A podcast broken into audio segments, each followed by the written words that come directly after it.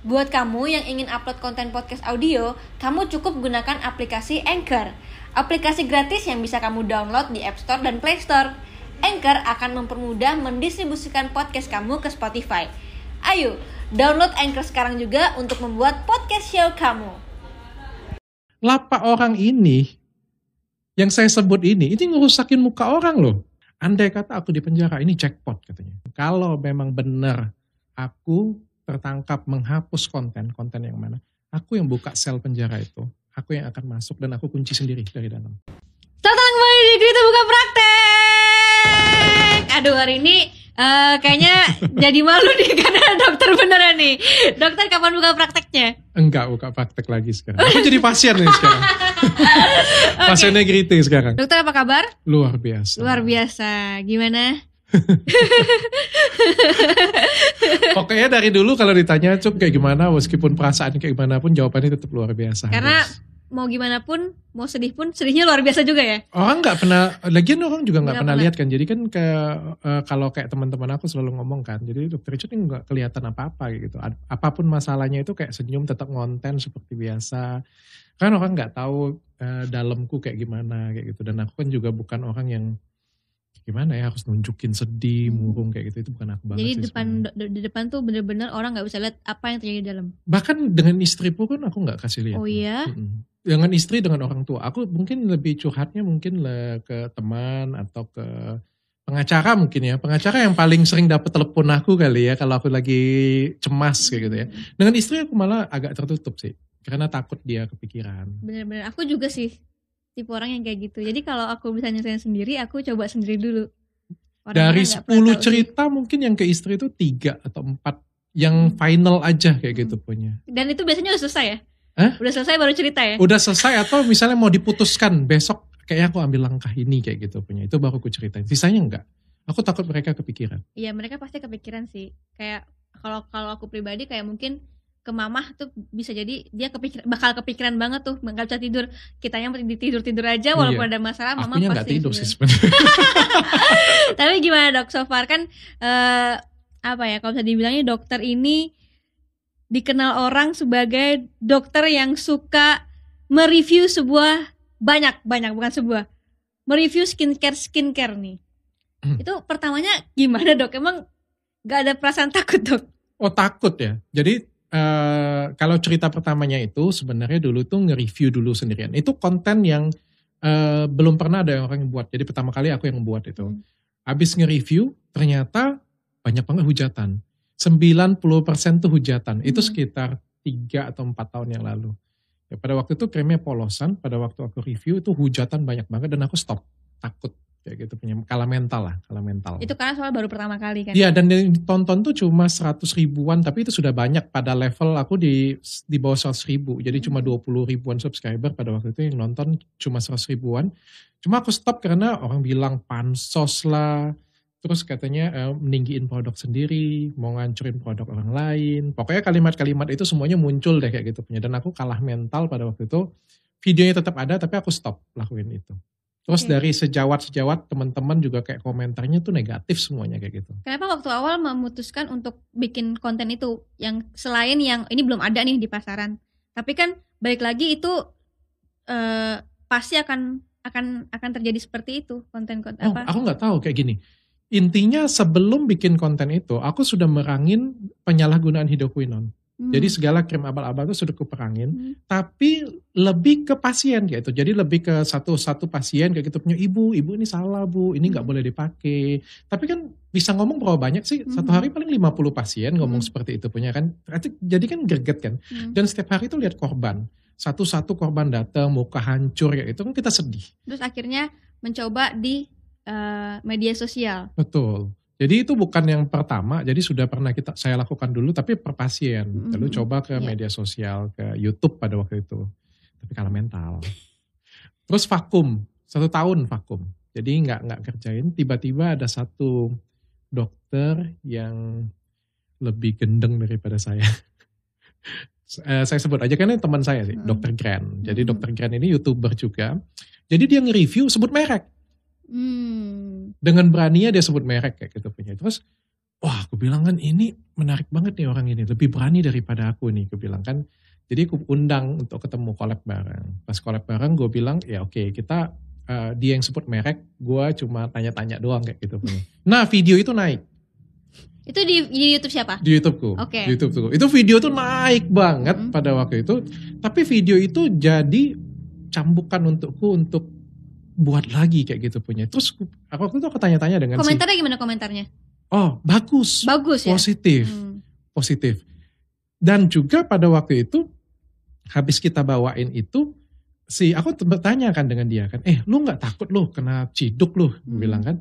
Oh nggak apa-apa katanya kan, kita ini kan membela kebenaran, dia bilang kan bawa sesuatu yang benar. Andai kata aku di penjara, ini jackpot katanya. Artinya aku uh, sudah bantuin orang katanya ya ini jackpot untuk aku bilang kan. Terlalu Ternyata, bu- ya. ternyata bukan dia ya. Jackpotnya Terus- pindah. aku padahal aku bilang loh pada waktu itu, aku bilang kayak "Eh, aku nggak mau sih, aku bilang kan "Nggak apa-apa kau aja deh, aku bilang kan. Tapi habis ketemu dengan dia, memang itu menginspirasiku. Tapi aku pengen lebih daripada si eh, sahabatku itu. Jadi aku bilang aku mau ngonten review tapi pakai hasil lab. Tanpa hasil lab aku nggak akan ngomong apa-apa. Jadi pada waktu itu kan padahal dokter Grant tuh pakai tetes-tetes, jadi Hmm. pakai lab sendiri lah kayak gitu punya kan penelitian sendiri. Ini aku nggak.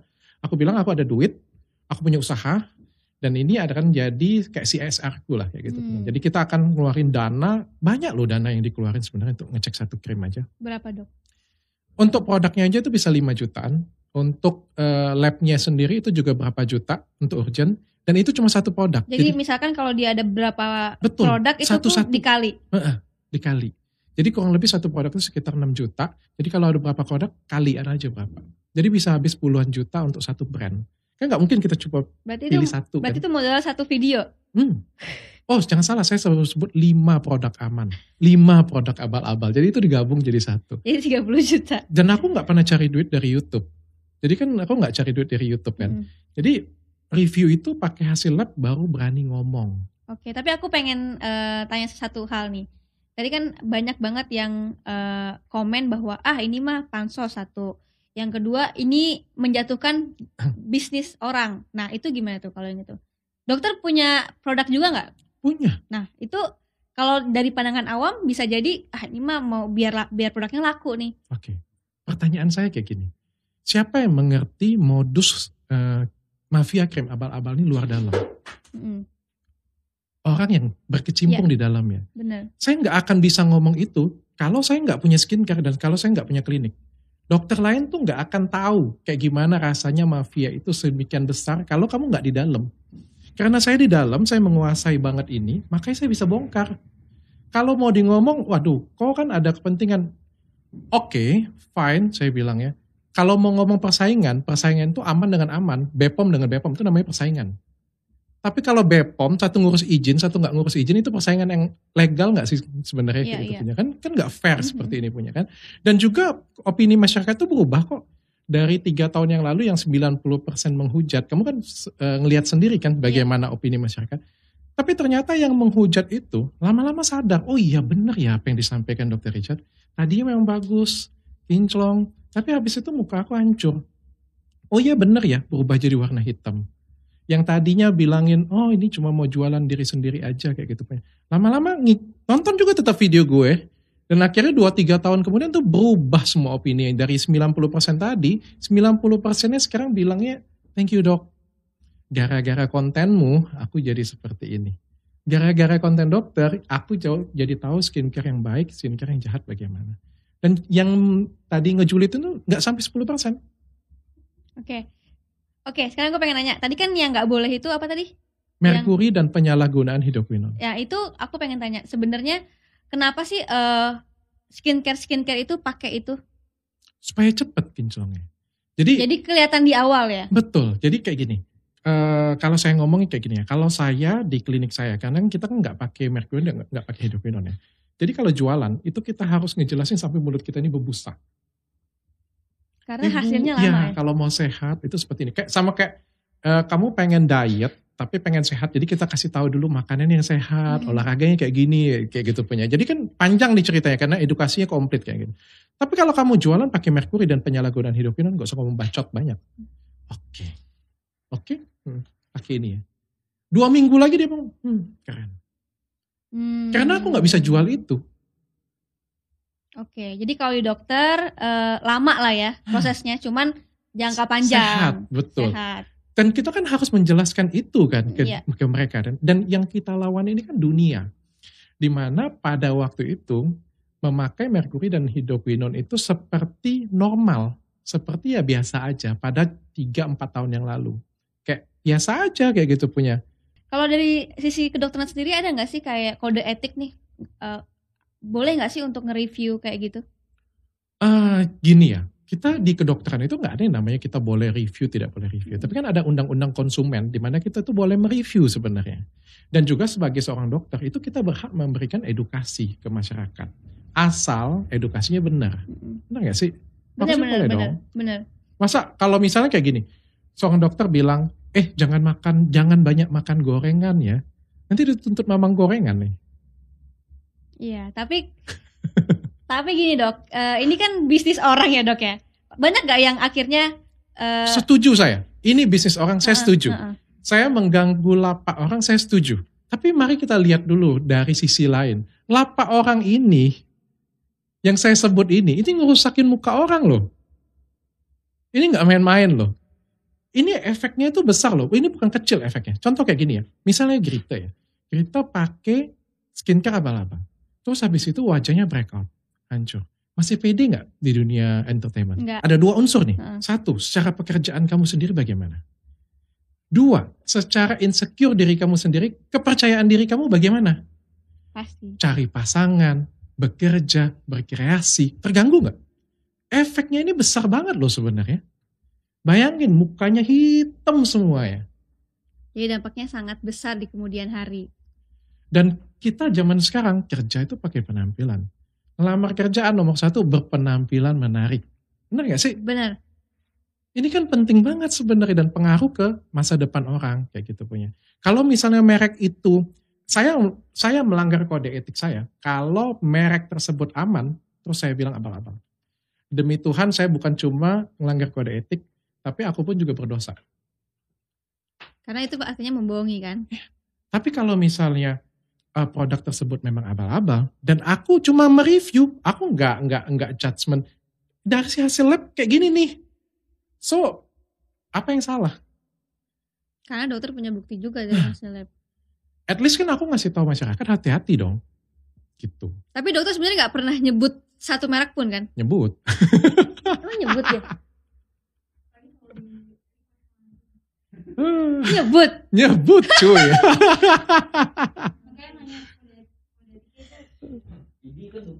tapi tapi sampai sekarang ya kalau ngomong kode etik ya, aku nggak pernah dipanggil dan aku nggak pernah disidang di kode etik.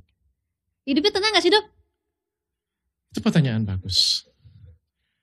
Pasti kan kalau misalkan itu ya paling nggak ada lah di DM yang pemiliknya atau di apa dikirimin surat apa. Ada dua sisi kita. Di satu sisi yang terima kasih dengan saya itu banyak banget. Yes. Yang DM komen itu jutaan sampai ke- aku nggak bisa kebaca Ya, lagi ya. karena every day dan sepanjang tahun seperti itu semua komen itu banyak banget. Satu sisi aku thank you banget. Di satu sisi lain diancam banyak. Aku sekarang punya bodyguard loh yang jagain aku pagi siang malam. Anak aku aja nggak dapat bodyguard, aku dapat bodyguard Harus, bapaknya harus. segede ini kan. Harus harus. Aku aku ngerti kalau itu. Disomasi orang sudah sering. Diperiksa juga sudah sering. Tapi nggak ada yang bisa perkarain aku. Karena apa yang kulakukan itu benar. Aku sampai eh, setiap kali aku bikin review misalnya kayak gitu ya. Ada lah yang ngelaporin ke polisi kayak gitu ya. Dia periksa polisi sudah clear. Bebas nggak ada apa-apa. Klarifikasi ya memang ini hasil labnya ini. Kasih lihat. Kok aku yang diperiksa ya? Periksalah produk tersebut kan kayak gitu kan harusnya kan. Masa aku yang diperiksa kan? gitu. Berarti berarti kalau aku boleh samsat kalau misalnya kita tahu kebenarannya nggak usah takut gitu kan? Nah, tadinya seperti itu pikiranku dan aku juga kan eh, karena banyak gimana ya kalau misalnya kamu kerja kan banyak semangat ya gitu semangat ya Hmm. gitu ya semangat dong kita kerja dan Ya. thank you ya gara-gara kamu kamu kan pasti juga ah, aku mau buat YouTube setiap hari ya karena Hmm. gara-gara aku banyak banget yang terinspirasi Ya. pasti seperti itu kan tapi lama kelamaan ada juga dalam sisiku kayak aku juga kayak kemarin tuh berpikir worth it nggak sih aku ngerjain yang kayak ginian punya Udah kelu- udah keluar duit banyak. aku nggak dapet duit loh Beneran. Kalau ada ngomong aku dapat AdSense dari YouTube, jujur, tanya dengan staffku. Duit dari YouTube tuh aku nggak pernah lihat satu kali pun. Dan kalau mau di nom, eh, di jumlah-jumlahin, sebenarnya duit itu nggak sesuai dengan apa yang gue keluarin. Iya, Dan aku juga nggak berbisnis dengan YouTube dan aku nggak sampai sekarang sampai detik ini aku tidak menerima endorsement satupun. Jadi aku nggak cari duit dari media sosial, aku menggunakan media sosial untuk edukasi. Aku dapat duit dari mana? Aku punya perusahaan. Aku punya 22 perusahaan yang ngasih aku duit. Jadi yang aku lakuin ini ya cuma murni untuk edukasi aku aja. Gitu. Walaupun hidupnya nggak tenang ya. kan misalkan walaupun walaupun ya kita nggak salah tadi kan, tapi kan pasti bisa aja mereka cari kesalahan-kesalahan yang lain, ya? Nah, ternyata gitu. Ternyata Ah, Setelah aku renung-renungkan, manusia ini kan penuh dengan eh, salah Mm. ya sebenarnya ya. Jadi eh, mungkin lebih tepatnya jadi bahan incaran lah seperti itu. Yang ini nggak apa-apa, nggak ada masalah. Ternyata dicari-cari lagi yang Eh, lain. tapi kan sebenarnya bisa ya ba- banyak banget sih. Iya. Aku juga kan manusia biasa ya netizen ya. Eh, kalau suatu hari kalian menemukan celahku kan hari ini kalian memuji saya Hmm. banyak yang support yang dukung terima kasih banyak. Tapi kalau suatu hari kalian menemukan sisi jelek saya mohon ampun. saya juga manusia biasa soalnya. ya itu benar loh. A- Iya, iya. Aku tuh dikasih tahu staffku juga. Aku juga jadi takut kayak gitu. iya kalau misalkan ya kita sih tahu kita benar di masalah ini, tapi ketika ada orang yang benci, wah bisa dicari-cari nih kesalahannya Iya, yang lain. Itu, Itu- itu aku juga takut. Istriku juga takut sih. kayak Itu gitu. yang bikin Iya. deg-degan ya justru. Iya. Handphone aman, WhatsApp aman. Oh jangan jangan WhatsApp sama dokter Richard nih kayaknya. Kalau nanti ada misalkan dokter-dokter lain yang eh, bikin konten yang mirip dengan dokter Richard, misalnya review gitu, itu sebenarnya batasannya seperti apa sih?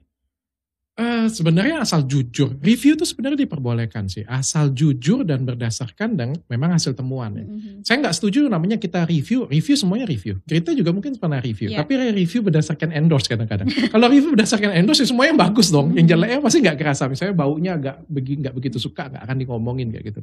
Jadi kalau reviewnya itu memang jujur sebenarnya it's okay sih. Dan berdasarkan memang penelitian dan ilmiah sih oke-oke aja. Kalau dokter melakukan review atau teman-teman lagi melakukan review seperti saya, saya senang nggak? Saya senang. Dan menurut saya, saya sendiri juga nggak akan cukup. Dokter Richard tidak akan cukup untuk merubah habit orang Indonesia, eh, pengetahuan Indonesia itu nggak cukup. Dan saya senang sekarang banyak banget dokter itu yang sudah mulai ngomong ke arah ini juga sebenarnya. Meskipun eh, ya mungkin karena saya yang terlalu agak frontal ya. Iya gitu nggak ya. berani. Iya. Kemarin juga ada sempat ini dok, aku lihat di Lambe Tura atau di mana gitu, dokter-dokter kecantikan tuh pada, tapi nggak di spill namanya sih, cuman kayak, aduh banyak banget nih eh, pasien-pasien yang datang eh mukanya pada rusak terus, begitu ditanya tuh sama gitu mereknya apa, cuman mereknya itu nggak di spill sama dia. Nah itu kadang-kadang greget. Coba lah kayak Grita ya, datang ya, mukanya tuh rusak, rusak parah banget kayak gitu punya. Kalau satu sih masih oke. Datang dua, datang tiga, sehari datang sepuluh mukanya hancur. Mereknya sama Dan yang kamu dipakai. tahu, dan kamu tahu. Dan setelah kamu cek hasilnya kamu tahu. Besoknya kayak gitu juga, besoknya kayak gitu juga. Pertanyaan saya kayak gini, kalau andai kata kamu tahu mereknya, kamu punya media sosial, kamu mau bongkar atau enggak? Kalau kamu bongkar, efeknya adalah eh, kamu nyelamatin orang banyak selain yang duduk di depan kamu. Iya. Tapi kalau kamu nggak bongkar, kamu tetap dapat duit kok. Orang korbannya datang ke kamu. Kalau Iya. korbannya sembuh nggak pakai nggak datang ke kamu. Itu pilihan setiap orang lah ya. Tapi kalau dokter Richard memilih untuk menyebarkan di media sosial. Nah, gini, kadang-kadang yang jadi yang jadi pikiranku eh, satu dua bulan terakhir ini adalah eh, apa yang kulakukan ini sebenarnya karena mungkin karena aku orang daerah kali ya. Karena aku kan bukan orang Jakarta, aku kan orang Palembang. Aku berusaha menelaah sih cara berpikirku sih.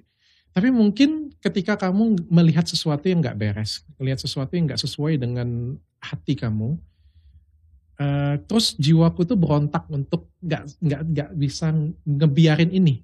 Sama kayak kalau kita sekolah, eh ada ini ngaco nih, aku mau tanya nih. Kan ada teman-teman yang bilang, eh ngapain lu tanya tuh, kasihan teman yang lain kayak gitu Uh-huh. punya kan. Nah aku tuh can help myself kayak gitu untuk bertanya dan memperbaikin yang kayak ginian punya. Dan kalau menurutku orang-orang naif seperti ini kan lebih ke orang di daerah ya. Kalau orang Jakarta sebenarnya masa bodoh yang ya kayak udah ginian ya, punya. gitu. Bener kan kayak itu kan. Jadi kayak aku ngerasa aduh aku naif banget deh kayak ginian punya ya. Ya tapi aku aku pengen tanya sih ini eh, itu kan karena ini boleh ditanyain boleh nggak? ya? Cuman aku pengen diskusi aja. Itu kan eh, dokter udah punya uang banyak nih.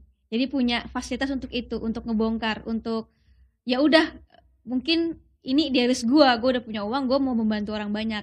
Misalkan mereka nggak punya uang, nggak punya power, tapi hatinya pengen berontak. Susah, Susah kan? susah. Susah. Bayangin aku yang punya Power. lab, punya ya punya duit lah kasar Nah. ngomongnya aja. Bisa seperti ini kayak gitu punya kan. Apalagi orang yang nggak punya apa-apa. Makanya. Kebayang nggak? Nah, kalau gitu gimana coba? Ya susah. Makanya aku bilang sebenarnya sebenarnya yang kayak gini punya itu sebenarnya eh, ya harus disupport sih sebenarnya. Lihat dulu sih. Mm-mm. Kalau memang basicnya itu pengen nyelamatin orang banyak, pengen bantu orang banyak, sebenarnya harus dibantu sih. Dan juga jangan sampai sebenarnya kalau ini pandanganku pribadi ya, bukan aku ngebelain diriku pribadi ya. Kalau ada dokter-dokter seperti ini disuruh diem, waduh, semua dokter nanti akan berhenti edukasi semua. Semuanya takut semua ngomong nanti. Jangan makan gorengan, Nggak makan gorengan semua. dituntut tuh oleh tukang gorengan nanti. Banyak loh tukang gorengan. Iya, komunitas tukang gorengan mensomasi dokter Grita. Kan serem kayak gitu punya kan? Iya makanya. Kan serem kayak gitu punya kan? Sebenarnya ya selagi apa ya konteksnya itu benar, it's okay sih. Kalau misalnya memang, kan semua orang punya hak berbicara. Ketika aku bilang brand ini mengandung merkuri atau mengandung hidroquinon, penyalahgunaan hidroquinon. Brand tersebut sebenarnya juga punya hak bicara kok. Dia akan berbicara di media, ini kami keluarin hasil lab juga, ini loh. Sampai sekarang kan tidak ada satupun merek yang ku review Yang akhirnya mengeluarkan.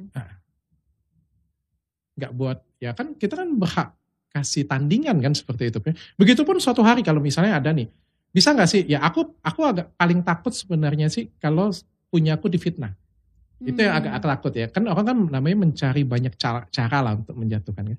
Bisa nggak dia beli sendiri, campur sendiri cuma untuk ngecek punya aku punya? Ya bisa-bisa aja sih. Tapi kalau andai kata itu terjadi dalam diri aku, aku kan punya hak jawab juga. Punya hak untuk membuktikan juga. Iya. Bahwa punya aku aman kok, ini buktinya. Seperti itu punya. Kalau memang aman. Mm-mm. Benar gak sih? Lalu aku melakukan tuntutan balik pasti dengan dia. Iya. Kalau benar. Kalau benar. Tapi zaman sekarang ada nggak sih dok skincare yang benar-benar eh, ingredientsnya tuh sehat gitu, healthy ingredients. Banyak sekarang. Kalau di ngomong 2020 dan 2021, malah menurutku kiblatnya sudah berubah. Jadi kalau tahun eh, 90-an dengan tahun 2000-an awal, itu kan tadi saya ngomong menggunakan merkuri dan penyalahgunaan hidroquinone itu menjadi hal yang normal. Normal biasa aja. Jadi kalau ngelihat tetangga pakai krim yang polosan, pakai krim racikan abal-abal kayak gitu punya, oh ya bagus ya bagus ya kayak gitu punya. Kalau kayak sekarang kan kalau misalnya ngelihat ada yang pakai polosan, itu abal-abal tuh kayak gitu punya. Artinya ada habit yang berubah nih. Nah sebenarnya ini tinggal dilanjutin sih. Kalau dilanjutin mungkin mudah-mudahan lima tahun lagi itu krim abal-abal tuh nggak ada lagi. Karena demandnya nggak ada. Amin. Amin. Tapi kalau di stop, ya kan namanya orang balik lagi kayak gitu punya pakai lagi. Ya, jadi sebenarnya sekarang tinggal tugas kita untuk lebih mengedukasi lagi ya. Kalau di stop sekarang, aku ngerasa kayak sekarang ini persimpangan jalan. Di stop perjuangan selama ini hilang. Enggak di, di dilanjutin. Mungkin harus lebih hati-hati. Oke, oke, tapi ya namanya kan eh, sebenarnya kita mau mau kayak aku juga sebenarnya kan selalu pengen yang terbaik lah ya kalau menyampaikan di media sosial. Tapi kan ada saat-saat di mana orang tuh salah menilai kita. Oke, dokter. Nah, eh, waktu akhir tahun, wah itu berita dokter Richard ditahan lagi nih. Nah, aku kan dengerin dokter Tirta tuh waktu itu. Jadi aku baru tahu bahwa itu sebenarnya adalah dokter eh, dituduh untuk menghilangkan barang bukti benar gak sih? oh kalau itu nggak ada. Jadi eh, login Instagram lagi juga enggak? Tidak ada. Kalau aku dituduh menglogin, maksudnya melogin itu adalah login di, Di Instagram. Instagram. kita, masukin Facebook itu tidak ada. Kalau eh, bilang menghapus konten, aku sudah sering bilang di podcast mana pun, kalau memang benar aku tertangkap menghapus konten, konten yang mana, aku yang buka sel penjara itu, aku yang akan masuk dan aku kunci sendiri dari dalam. Artinya aku nggak melakukan itu. Jadi apa kemarin? Eh, aku posting di Facebookku, Terus cuma itu aja. eh, ini ke Instagram secara automatically secara automatically. Hmm. Nah itu dibilang mengakses illegal access ya kalau nggak salah. katanya sih seperti itu. Padahal itu adalah eh mirroring ya, mirroring ya kalau nggak salah ya namanya. I- aku nggak tahu, tapi intinya aku tidak tahu Otomatis. bahwa itu salah. Oke, tapi benar nggak sih saat saat itu posting endorsement? Nggak ada. Aku sampai setik ini ada terima endorsement, tapi eh, paling cuma satu dua ya. Dan aku tuh paling anti endorsement sebenarnya. Jadi waktu itu ngepost apa dok? Oh, eh, edukasiku sama YouTubeku. Oh, nyambung ke Instagram. Heeh. Kan di media juga aku baca katanya dokter juga menghapus barang bukti. Itu nggak ada. Nggak ada. Di sana di BAP juga nggak ditulis. Nggak ditanya. Nggak ditanya Nggak bahkan. ditanya. Nggak ada ditanya. Aku nggak menghapus apa pun. Orang aku nggak login ke Instagram aku kayak gimana cara aku hapus ya cuma. Ya makanya aku juga bingung. Ini kan tapi yang aku tahu sih emang eh, automatically ke Instagram waktu aku baca. Cuman ada beberapa yang menghapus barang bukti juga di Instagram, konten-konten juga enggak ya. Enggak. Kalau itu nggak ada. Aku nggak lakukan itu sama sekali. Oke, tapi kalau yang lama udah beres kasusnya. Enggak beres juga. Enggak beres juga ya. Harapannya apa sih, Dok? Harapanku cepat selesai lah. Nggak ada yang pengen ini nggak pengen ini berlarut-larut kayak gitu punya. Aku pengennya ya selesai, pengennya damai, ya pengennya baik-baik aja sih. Karena tujuanku kan bukan untuk ribut sebenarnya. Nggak nggak ada tujuanku pengen ribut dengan orang lain. Tujuanku kan untuk edukasi aja. Betul. Tapi mungkin ah seperti apa ya aku ngomongnya? Mungkin cara saya mengedukasi tanpa sengaja eh, numbuk orang lain atau nyeruduk orang lain atau nggak ngerti lah ya mungkin bahasanya seperti itu. Ya I'm so sorry lah. Dan aku nggak bermaksud itu sebenarnya. Yang udah berkali-kali minta maaf juga kan ya. yes. Dengan siapa pun ya dengan siapa pun ya. Aku nggak bermaksud kayak eh, pengen ngejatuhin orang itu enggak karena tujuan aku tuh cuma mau edukasi aja sih sebenarnya. Kalau misalkan perkaranya sudah selesai, amin ya nanti udah selesai, masih mau review skincare lagi nggak? Kapok nggak? Eh, sebenarnya aku nggak kapok ya. Dengan apa yang ku apa yang kalau kan ada positif ada negatif nih ya. Menurutku lebih besar yang positif tetap daripada yang Ya. negatifnya yang aku dapetin ya sebenarnya. Aku nggak kapok tapi maksudku aku pengen selesaiin satu masalahnya dulu fokus dulu selesaiin jangan sampai nanti jadinya bertubi-tubi kan. Hmm. jadi kalau tanya tetap akan review nggak? Tetap aku akan review. Kalau ditanya kenapa ini passion hidupku. Jadi sekarang nggak- ngapain aja dok? Eh buat konten edukasi biasa aja. Jadi tips, edukasi, eh, paling bahas korban, tapi nggak review. Hmm. Jadi eh, korban krim abal-abal tetap sih yang kayak gituan punya, tetap kita nyadarin masyarakat, tetap. Tapi nggak review produk ini isinya ini kayak gitu punya, enggak. Ya lumayan lah kan berkurang 30 juta ya. Hemat juga Jadi kebetulan. perlu keluar-keluar duit banyak. ya tapi Tapi tetap pakai yang ditunggu orang itu sebenarnya itu loh. Iya betul. Orang itu tuh tahu nggak ya dari lima tahun dari 10 tahun yang lalu masyarakat tuh tahu bahwa merkuri itu nggak boleh dipakai. Kamu juga tahu kan? Aku nggak terlalu ngikutin skincare. Tahu kan bahwa merkuri itu nggak boleh dipakai Tapi kan? tahu. Tahu kan? Hmm. Tapi sampai detik ini kamu tahu nggak produk apa yang mengandung Nggak merkuri? tahu. Nggak tahu kan? Aku nggak Nah pakai. jadi sebenarnya masyarakat tuh semuanya tahu bahwa merkuri itu nggak boleh dipakai. Tapi masalahnya masyarakat tuh tanya, konkretnya ini apa nih? Yang mana nih yang merkuri itu? Nggak tahu Nah mereka. itu mereka nggak tahu kayak gitu punya. Dan ternyata banyak loh di lapangan isinya merkuri. Kenapa bisa lolos ya? Siapa bilang lolos? Nggak lolos. Kalau ketemu Bepom itu pasti disita. Oh. Tapi taulah sendiri kalau di Indonesia. Oke. Di mana kamu kalau ke pasar bisa ketemu. Betul. Jangankan ke pasar, kamu buka aja e-commerce, ketemu. Kalau nggak percaya, cek deh. Tapi itu juga sebenarnya edukasi dari eh, dokter juga. Jadi kita harus belajar juga ya apa yang apa yang kita beli itu kita harus tahu gitu kan. Jadi apa pun konsekuensinya ya itu pokoknya riset dulu deh semua ya, di riset dulu. Gini-gini, eh, semua orang tuh kan punya tugas masing-masing. Iya. Ya. Eh, polisi punya tugas nangkepin. Jadi eh, yang nangkepin maling, nangkepin yang jual krim abal-abalnya ditangkepin. Hmm. Ya, itu tugas polisi. Sita barangnya itu tugas polisi. Tugas Bepom apa? Ngeluarin nomor Bepom. Iya. Ya. Sama untuk eh, ngasih buat aturan, buat aturannya. Tugas dokter apa? Ngasih edukasi kan? Nggak mungkin kan aku datang ke pasar terus aku tangkepin terus aku sita kan nggak mungkin kan Iya, kayak iya, gitu punya iya. kan? Terus aku penjara di rumah aku sendiri juga nggak Iya. mungkin kan kayak gitu Ah. punya. Ya, tugas aku kan edukasi. That's it. Mau didengar oke, kagak juga nggak apa-apa. Menurut kalian ini bermanfaat, syukur, puji Tuhan. Kalau bagi kalian nggak ngerasa aku pansus, enggak, gak usah nonton, gak apa-apa. Ya kan nanti juga kalian akan tahu yang mana yang benar, yang mana yang salah. Kan aku nggak mau ngelewatin wewenangku. Seperti juga Grite kan, oh tugasku adalah mewawancara orang, ya sudah lihat sih sampai di sana aja kayak gitu punya. Nggak mungkin, oh ini dokter Richard salah nih, aku harus penjara nih. Kan nggak mungkin. Iya iya betul betul betul betul.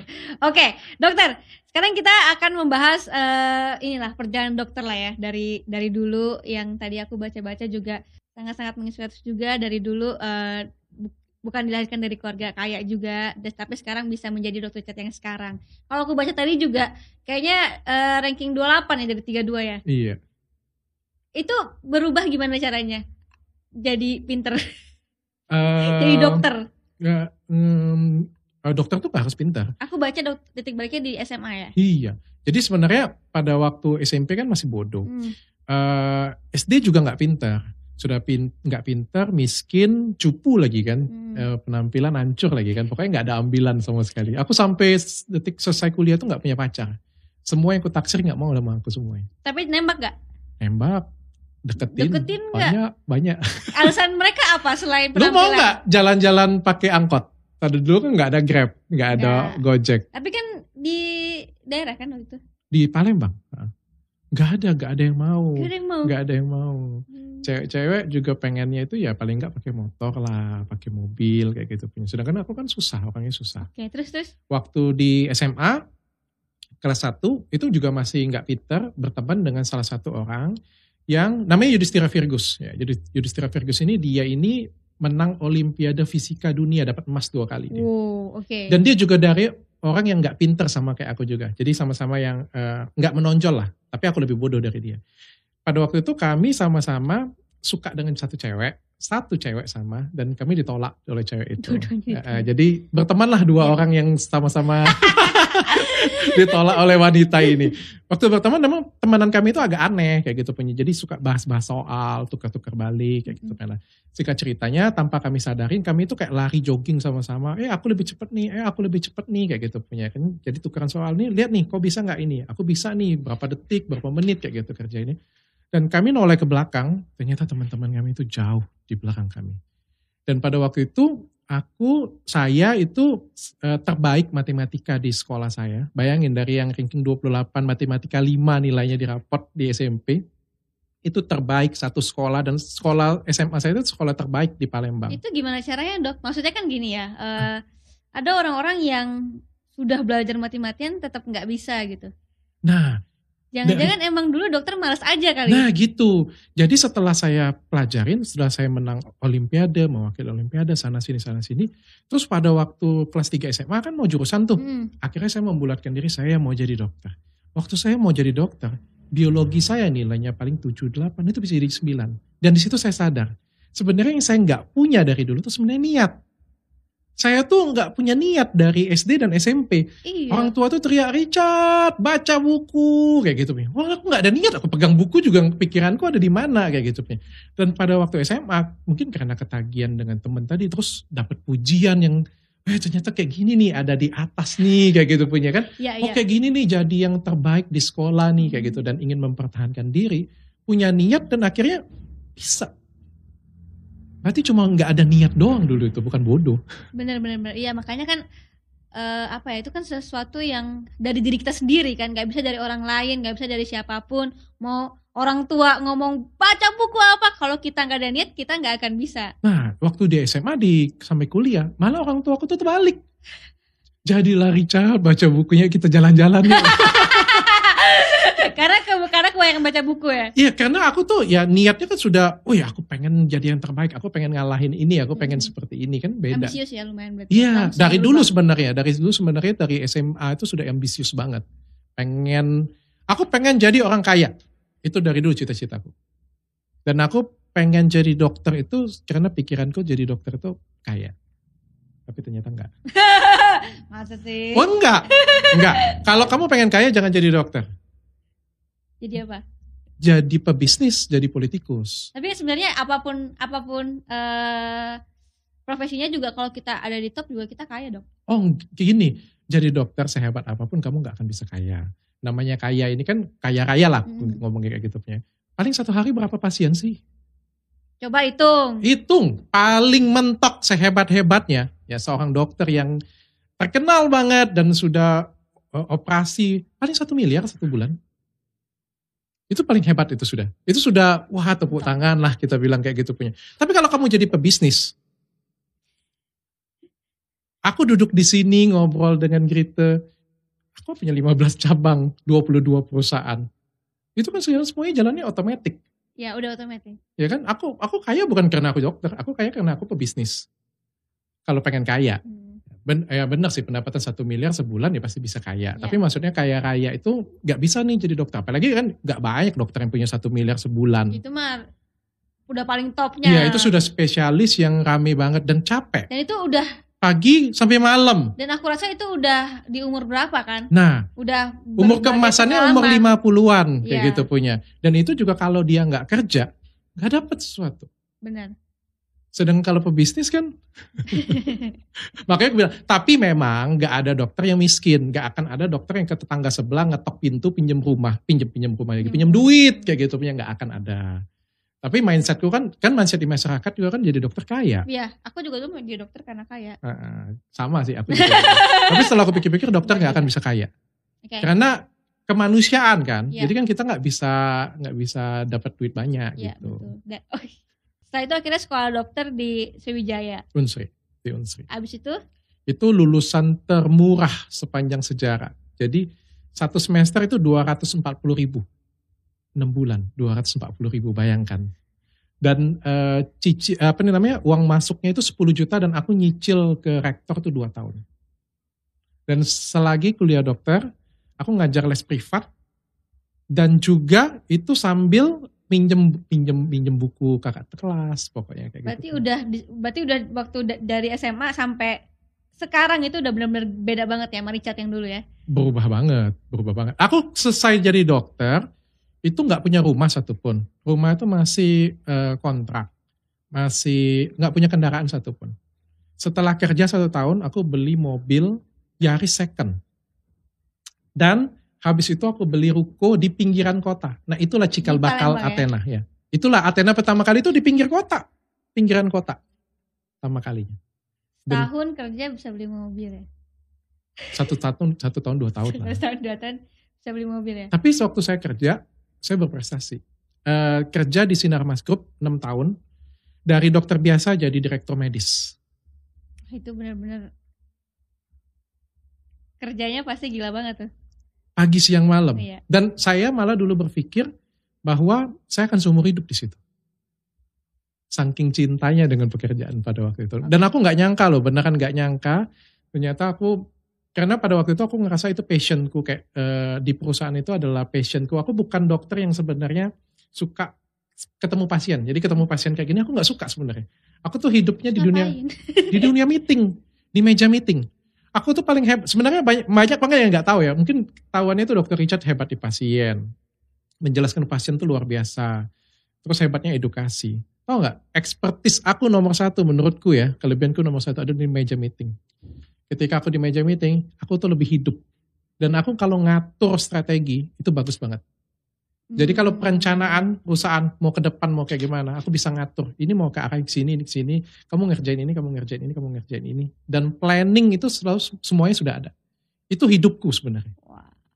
Itu enam tahun aku belajar di Sinarmas. Sampai akhirnya aku dipindahin, eh, istri ngajak pindah ke estetik.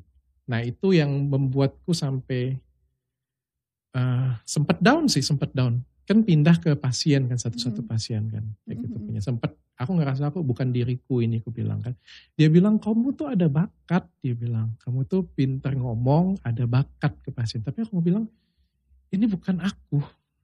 Kayak gitu punya. Dan sekarang, semuanya itu seperti Sinarmas. Di perusahaanku ada ruang meeting, ada HRD, ada accounting, ada logistik. Itu udah Sistemnya aku pindahin sekarang. Oke. Oke, tapi aku pengen tahu nih kan eh mungkin bisa jadi pelajaran juga buat teman-teman yang baru mulai kerja gitu kan. Kan banyak yang pengen jadi kutu loncat, pengen gimana sih, Dok? Eh, mungkin pesan juga ya buat anak-anak muda yang baru mulai karirnya. Dulu dokter gimana kerja di sana? Segiat apa? Oh, buka- ini bukan masalah giat ya. Eh, kerja itu yang paling penting itu pakai hati. Dan yang paling penting itu kerja itu berkarya. Jangan mikirin gaji. Kalau kalian mikirin gaji, berarti kalian cuma kerja untuk tanggal 30. Berarti cuma untuk gajian. Kalau ditanya kerja itu untuk apa? Kerja itu untuk punya karya, untuk punya prestasi. Nanti duit akan datengin sendiri. Apalagi kita masih muda, nggak butuh duit. Nggak, nggak, nggak maksudnya itu, ya aku juga mau duit. Tapi yang paling penting itu buat karya. Nanti duit akan ngejar kalian sendiri pasti. Mantap. Oke, sekarang punya eh, klinik berapa dok? Eh, Athena punya 15. Kalau Dr. Hen itu ada 5 ya, jadi total 20. Wah. Terus sekarang kegiatannya ngapain aja? Oh, Ngurusin aja. sekarang sudah mundur dari eh, sebenarnya dari satu tahun yang lalu itu sudah cuti karena kan ada acara TV dengan kuliah lagi, Mm-mm. ngambil kuliah lagi. Jadi mundur aja cuti, ngomongnya cuti kayak gitu punya. Jadi, Jadi, suka belajar ya?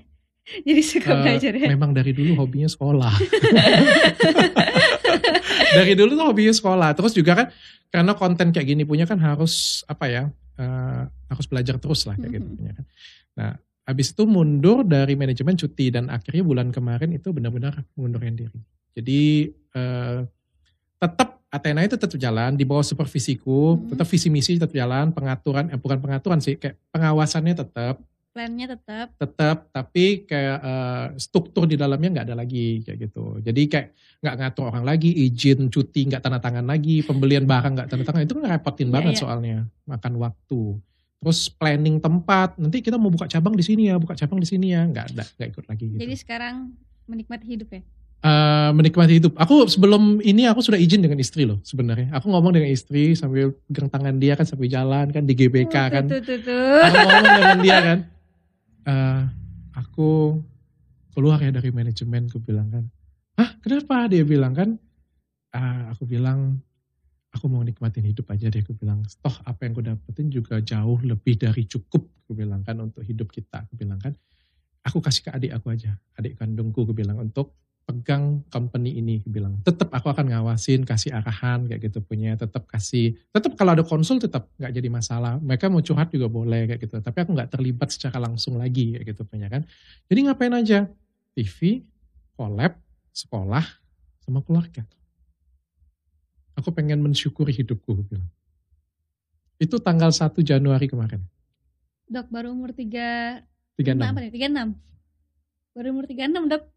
Oh iya kan pensiunnya nggak pensiun total Iya, tapi kan kayak banyak banget orang yang udah udah kaya juga tetap aja dia mau lebih lagi lebih lagi lebih lagi. Gimana Eh, cara biar ya udahlah udah cukup. mungkin karena gebukan-gebukan ini kali ya 2020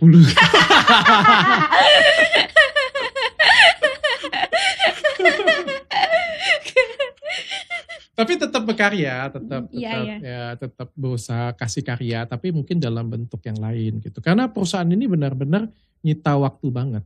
Pasti dong. Dua 20 itu cuma klinik, belum termasuk pabrik, belum termasuk printing, belum termasuk usaha-usaha lain yang sampingan yang lain kayak gitu punya. Itu benar-benar dokter udah lepas semua. Lepas. Lepas semua. Lepas, lepas semuanya. Kadang di grup pun aku nggak baca lagi sudah. Jadi di grup ngomong tang ting tang ting tuh nggak baca lagi sudah. Kalau dulu aku semua. Selamat menghindar men- selamat menikmati hidup di Terima 2022 kasih. ya. Wah, itu sih enak banget. Aku juga mau. Kalau saya umur 30 ya kayak gitu. Oh harus syaratnya harus ada ini, harus ada tangan kanan. Aku beruntung punya adik sih, adik adik kandungku punya pemikiran yang sama. Tapi dua tahun kan dia sudah ikut, Iya. sudah lama juga dan tahu cara berpikirku bagaimana. Harus ikut dulu sebenarnya harus kan. ikut dulu, harus ikut dulu. Adikku dulu nggak ikut aku. Setelah aku sukses itu semua keluarga ikut aku. Papa ikut. Papaku tuh cuma sales, bukan cuma sih. Salesman yang kerja di perusahaan orang lain digaji. Adikku juga ikut aku.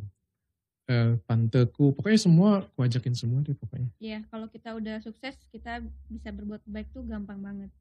Dan jadi orang kepercayaan. Iya. Oke, anyway thank you banget dok udah mampir ke sini dan Thank you udah memberikan Janggat, sudah dengerin cerita obrol-obrol saya. juga dan udah sharing dan pastinya apa pun yang dokter Dicat lakukan dari kecil sampai sekarang akhirnya bisa menginspirasi banyak orang. Amin. Dan juga aku belajar bahwa mungkin awalnya banyak eh, hinaan-hinaan, banyaknya tapi ketika kita benar, ketika kita berani, pasti semua itu bisa berbalik, bisa berbalik jadi yang ke arah positif.